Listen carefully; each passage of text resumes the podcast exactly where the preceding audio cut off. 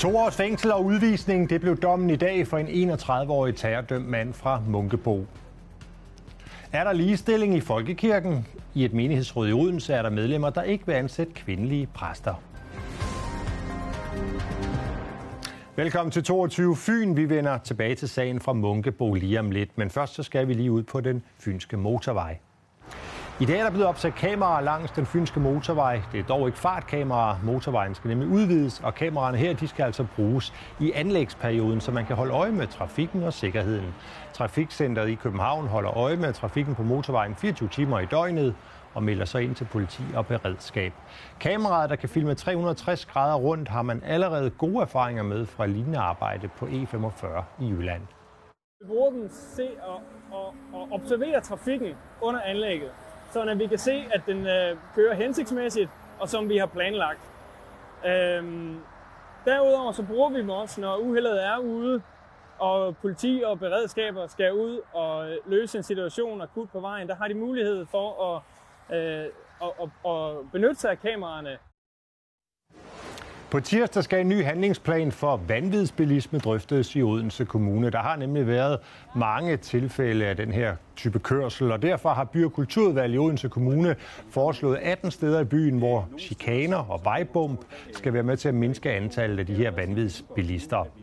Fyns politi er glad for, at Odense Kommune vil bekæmpe den hasarderede kørsel, og nu håber rådmand Christoffer Lilleholdt, at der kan findes penge til at få handlingsplanen godkendt.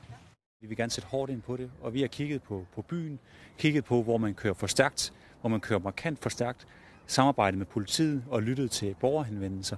Og på den baggrund foreslår vi nu 18 strækninger, hvor vi kan slå ned og sætte trafiksikaner op, øh, for at få stoppet det her. Om vi kommer øh, problemet fuldstændig til livs, det, kan, det tvivler jeg på. De finder andre steder at køre. Men det er stedet at, øh, at gøre det, og det er de 18 strækninger, som, som taler ind til vores hjerte om, det er her, der bør ske noget. Og derfor er det fornuftigt. Odense har en ambition om at være røgfri i 2030, og med et nyt forslag, så kan det mål være tættere på.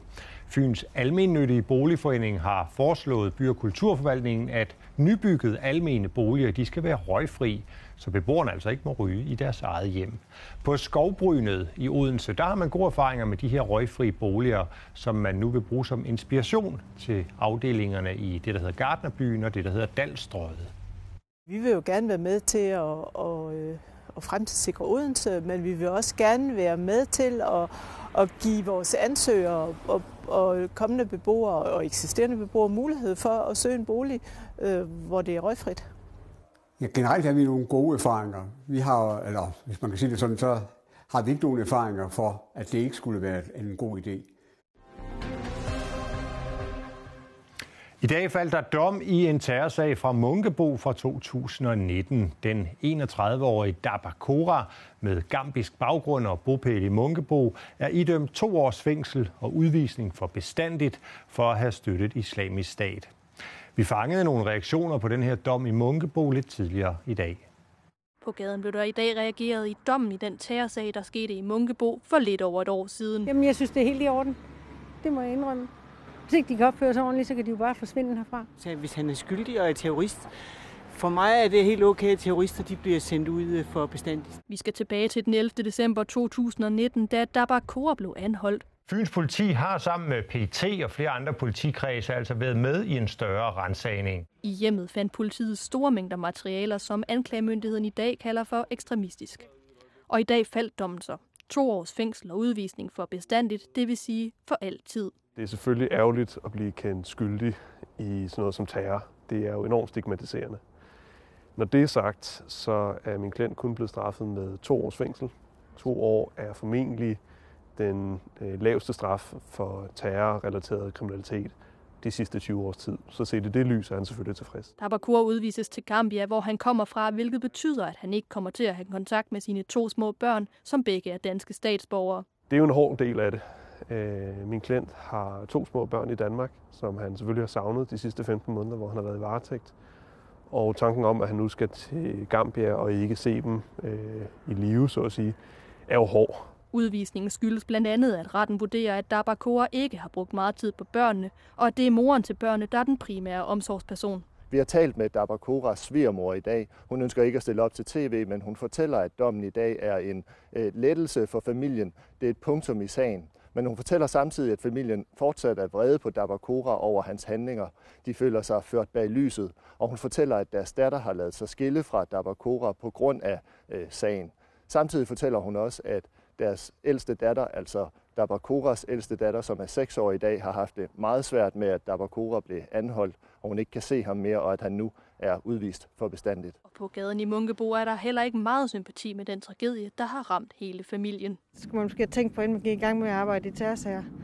Altså, hvis manden er terrorist, så skal han tænke sig om, før han gør sådan nogle ting, efter min mening. Man kender jo konsekvensen af at øh, opildne til terror, så det må vel være fair nok.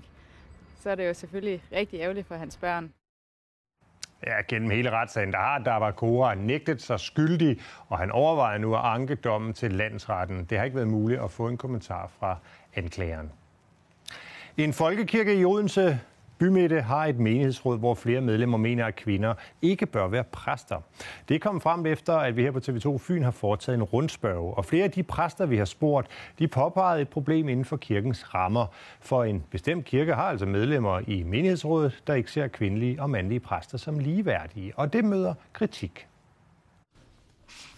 Ligesom i alle andre kristne menigheder skal kvinder tige stille, når menigheden er samlet. Det må jo da være et af de bedste argumenter, man har for at sige, der må ikke være kvindelige præster. Men det er et dårligt argument at bruge. Det får følelserne frem i Simon Jylov, når emnet bliver bragt op. Og, og den, bare den diskussion, du bringer op, det kan godt provokere mig bare en smule. At skulle, skulle stå og forholde mig til, om mine kvindelige kollegaer er, er ringere, bare fordi de er kvinder. Fordi det er de ikke. Det er Sankt Hans Kirke i Odense Bymætte, der har sat gang i debatten. I menighedsrådet er der nemlig medlemmer, der deler den holdning, at kvindelige præster ikke hører til i folkekirken. Så må det aldrig lægges de kvindelige kollegaer til last. Og sådan er det bare nødt til at være. Men så må vi også leve med indtil videre, at vi har den rummelighed i folkekirken.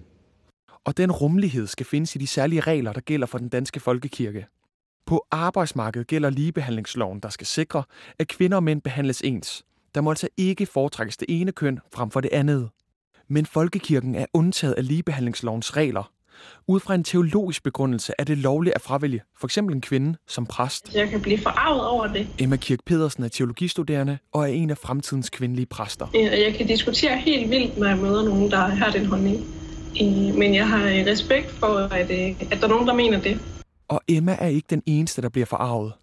En række kvindelige præster retter en kritik mod de personer, der ikke vil ansætte dem netop på baggrund af deres køn. Af forskellige årsager medvirker de anonymt.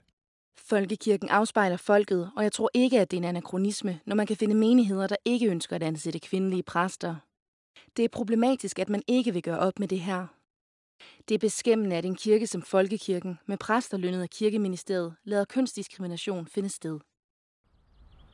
Det er argumentet om den rummelige folkekirke, der muliggør holdninger om kvinder i kirken. Men det argument køber præst Inger Bichon ikke. Jeg tænker, at rummelighed her måske betyder bekvemmelighed. Og fordi det er så lille et mindretal, der er imod kvindelige præster, så lader man det være. Men det har faktisk alvorlige følger. For i det øjeblik, man accepterer, at det er legitimt at mene sådan, så giver man faktisk synspunktet om, at kvinder ikke må være præster, en legitimitet. Det har ikke været muligt at få et interview hverken med sovnepræst i Sankt Hans Kirke eller formanden for Sankt Hans Menighed.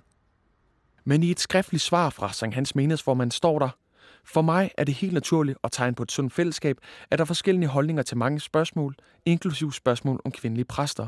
I menighedsrådet er der enige om, at Bibelen er Guds ord til os, og at den læses og forstås af det enkelte menneske. Men altså, det danske samfund har jo ligestilling. Og derfor synes jeg faktisk, det er alvorligt, at vi i en institution som den danske folkekirke heller ikke tør tale mere åbent om det. Ja, du kan læse hele det lange svar på kritikken fra både sovnepræst og menighedsrådsformand i Sankt Hans Kirke. Det kan du inde på tv2fyn.dk. Der kan du altså også finde nogle andre historier, for vi tager lige de helt korte nyhedsoverskrifter her til sidst. Naboer til det nye H.C. Andersen hus har klaget over gener, men de får ikke meget hjælp fra planklagenævnet. Et nyt Samarbejde skal gøre det mere smidigt for hjemløse og socialt udsatte at blive vaccineret mod corona. Og så får Odense Kommune 27 millioner kroner til minimumsnummeringer i dagtilbud næste år, men prisen bliver så også hævet for forældrene. Læs mere om det her på tv2fyn.dk. Fodboldlandsholdets helt store stjerne Christian Eriksen er i isolation på grund af frygt for coronasmitte. Han kan derfor ikke være med til Danmarks første VM-kvalifikationskamp i næste uge. Få landstræner Kasper Julmans reaktion på den uheldige situation direkte i sporten lige om lidt.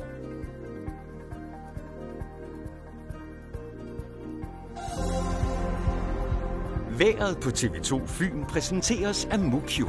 Gardiner og markiser.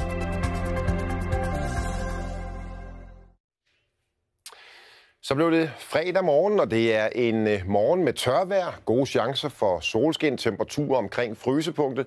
Der er sikkert nogle af jer, der også vil opleve, at det helt lokalt også er med øh, frost.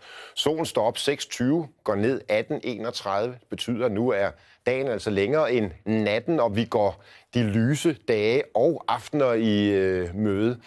Men inden dagen er om, og solen altså går ned ved halv syv-tiden, så skal vi lige have gode chancer for solskin. Det er en kold luft, der blæser ned over så vi kommer måske sådan lige op på en 3-4 grader ud på eftermiddagen. Til gengæld så ser eftermiddagen altså forholdsvis øh, solrig ud, må man sige, når man ser øh, vores bedste bud her på eftermiddagens vejr.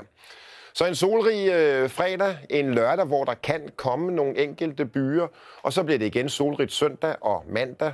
Begge dage kan vi nærme os de 10 grader, og så kan der komme lidt flere skyer igen i løbet af tirsdagen. Klassisk for foråret, det er tørvejr, det er med solskin, men det er også stadigvæk med risiko for nattefrost.